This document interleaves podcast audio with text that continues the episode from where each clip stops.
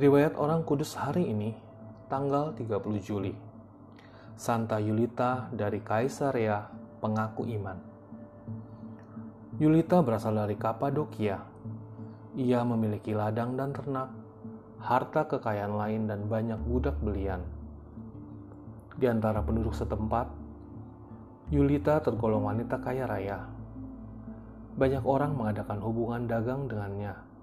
Pada suatu ketika, dia terlibat dalam suatu petikan bisnis dengan seorang pemuka masyarakat.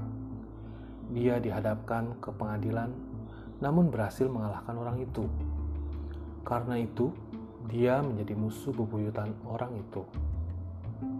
Untuk membalas kekalahannya di depan pengadilan, orang itu melaporkan kepada penguasa setempat bahwa Yulita adalah seorang penganut agama Kristen. Karena laporan ini, hakim memanggil Yulita dan memaksanya untuk mempersembahkan kurban bakaran kepada dewa Zeus. Yulita berani menentang. Dengan tegas ia berkata, Ladangku dan semua kekayaanku boleh diambil dan dirusak, tetapi sekali-kali aku tidak akan meninggalkan imanku. Aku tidak akan pernah menghina Tuhanku yang telah menciptakan aku Aku tahu bahwa aku akan memperoleh semua itu kembali di surga. Tanpa banyak berpikir, hakim itu menyuruh para algojo membakar hidup-hidup Julita di depan umum.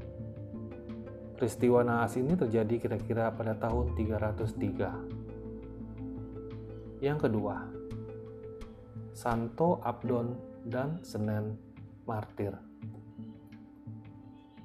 Kedua orang kudus abad ketiga ini berasal dari Persia. Mereka adalah tawanan perang dan budak belian yang sudah menganut agama Kristen. Kemartiran mereka bermula dari usaha mereka menguburkan jenazah-jenazah kaum beriman yang dibunuh oleh orang kafir. Mereka ditangkap dan dibawa ke Roma. Di sana mereka dipaksa untuk mempersembahkan korban kepada dewa-dewi Romawi. Dengan tegas mereka menolak melakukan perbuatan berhala ini karena mereka tidak ingin mengkhianati iman mereka sendiri. Karena itu, mereka dianiaya dan kepala mereka dipenggal. Jenazah mereka dimakamkan oleh diakon Quirinus di rumahnya. Kemudian, pada tahun 838, tulang-tulang mereka dipindahkan oleh Paus Gregorius keempat pada tahun 827 sampai dengan 844 ke dalam gereja Santo Markus di Roma. Yang ketiga, Santo Justinus de Jacobis mengaku iman. Justinus lahir di San Fele, Italia pada tanggal 9 Oktober tahun 1800 dari 14 orang dari 14 orang bersaudara Justinus adalah anak ketujuh dalam keluarganya Ketika masih kecil, ia tinggal di Napoli. Kemudian pada umur 18 tahun, ia masuk kongregasi misi di tempat asalnya. Ia benar-benar menghayati panggilannya dengan konsekuen. Menurut kesan kawan-kawannya, ia adalah seorang biarawan yang dicintai Tuhan dan sesama manusia karena sifat-sifatnya yang menyenangkan banyak orang rendah hati, ramah, dan suka bergaul dengan siapa saja. Setelah ditahbiskan menjadi iman, ia bekerja di antara orang-orang miskin dan melarat di luar kota. Ia membantu mendirikan pusat kongregasi baru di Napoli dan kemudian diangkat superior di Lecce. Ia dikenal luas oleh banyak orang karena tindakan-tindakannya di luar acara rutin sehari-hari ia memelihara dan merawat para penderita wabah kolera di Napoli tanpa mengenal lelah dan tanpa menghiraukan kesehatannya sendiri. Karena itu, semua orang sangat menghormati dan mencintai dia. Pada tahun 1839, ia diutus sebagai prefek dan vikaris apostolik ke Ethiopia, sebuah daerah misi baru di benua Afrika di sana selama dua tahun, ia memusatkan perhatiannya pada usaha mengenal segala sesuatu menyangkut negeri itu, rakyatnya, bahasanya, dan adat dan adat istiadatnya. Dengan sifat-sifat yang baik dan cara hidupnya yang menarik, ia berhasil menghilangkan kecurigaan rakyat setempat. Kata-katanya yang menawan dan lembut memberi kesan pada hati banyak orang bahwa kehadiran di tengah mereka adalah sebagai sahabat dan pelayan bagi mereka.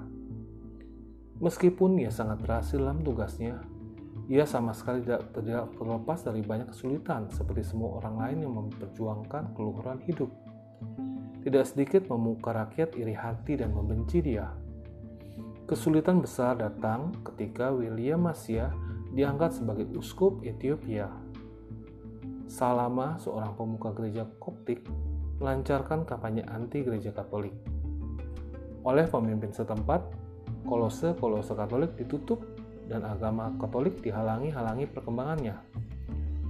Uskup William Masaya diusir pulang ke Arden. Sebelum berangkat, Uskup Masaya dengan diam-diam mengangkat Justinus de Jacobus sebagai uskup di Masawa.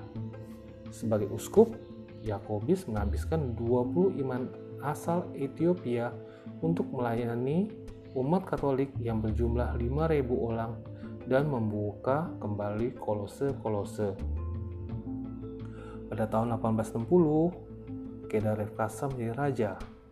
Ia segera mendesak Salama untuk kembali melancarkan pengajaran terhadap semua orang beragama Katolik Uskup Yakobus sendiri ditangkap dan dipenjarakan selama beberapa bulan.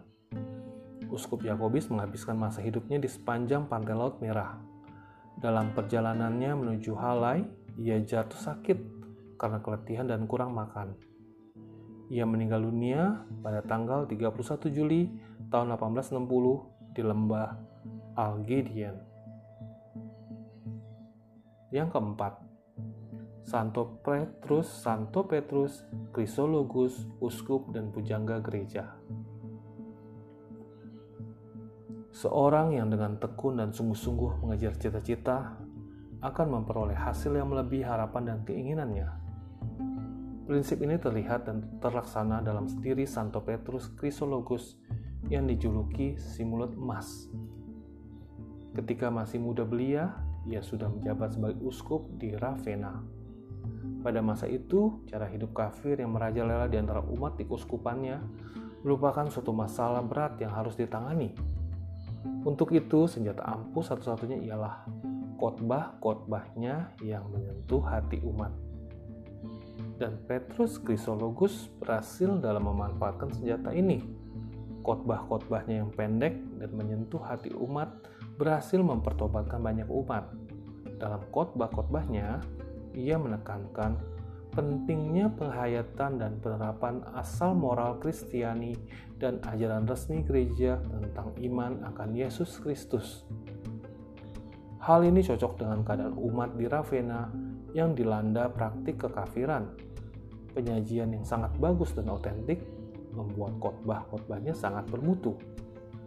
13 abad kemudian, Paus Benediktus ke-13 tahun 1724 sampai 1730 mengangkat dia menjadi seorang pujangga gereja. Semangatnya yang tinggi dalam melaksanakan tugas demi perkembangan iman umat membuat dia menjadi orang tersohor di kalangan bapak-bapak gereja, baik karena caranya mengajar maupun caranya memimpin umat. Ia bijaksana dan memandang keahliannya sebagai karunia Tuhan yang harus diabadikan yang harus diabdikan bagi kepentingan dan perkembangan gereja. Dalam dalam masa itu, Petrus Krisologus pun terkenal sebagai seorang uskup penentang ajaran sesat yang disebarkan Eutiches. Eutiches menyebarkan ajaran sesat yang menyangkal kemanusiaan Kristus. Untuk kemajuan ajarannya, ia tidak segan-segan meminta dukungan gereja dari Petrus Krisologus selaku uskup Ravenna. Akan tetapi uskup uskup Krisologus yang terkenal ramah itu menjawab dengan bijaksana dan ramah. Demi perdamaian dan iman, kita sebaiknya menyebarkan ajaran iman dengan persetujuan Paus selaku pemimpin tertinggi gereja.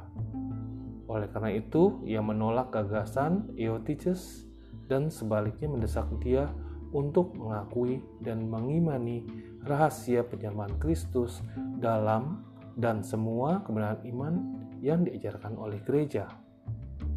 Semangat imannya yang begitu besar disertai cinta kasihnya yang meluap-luap membuat si mulut emas meraih hasil karya yang melebihi cita-cita dan impiannya. Beberapa lama sebelum wafatnya, ia pulang ke tanah kelahirannya, Imola, dan ia di sana wafat dengan tenang pada tahun 450. Demikianlah riwayat orang kudus hari ini, tanggal 30 Juli. Terima kasih sudah mendengar. Tuhan memberkati. thank you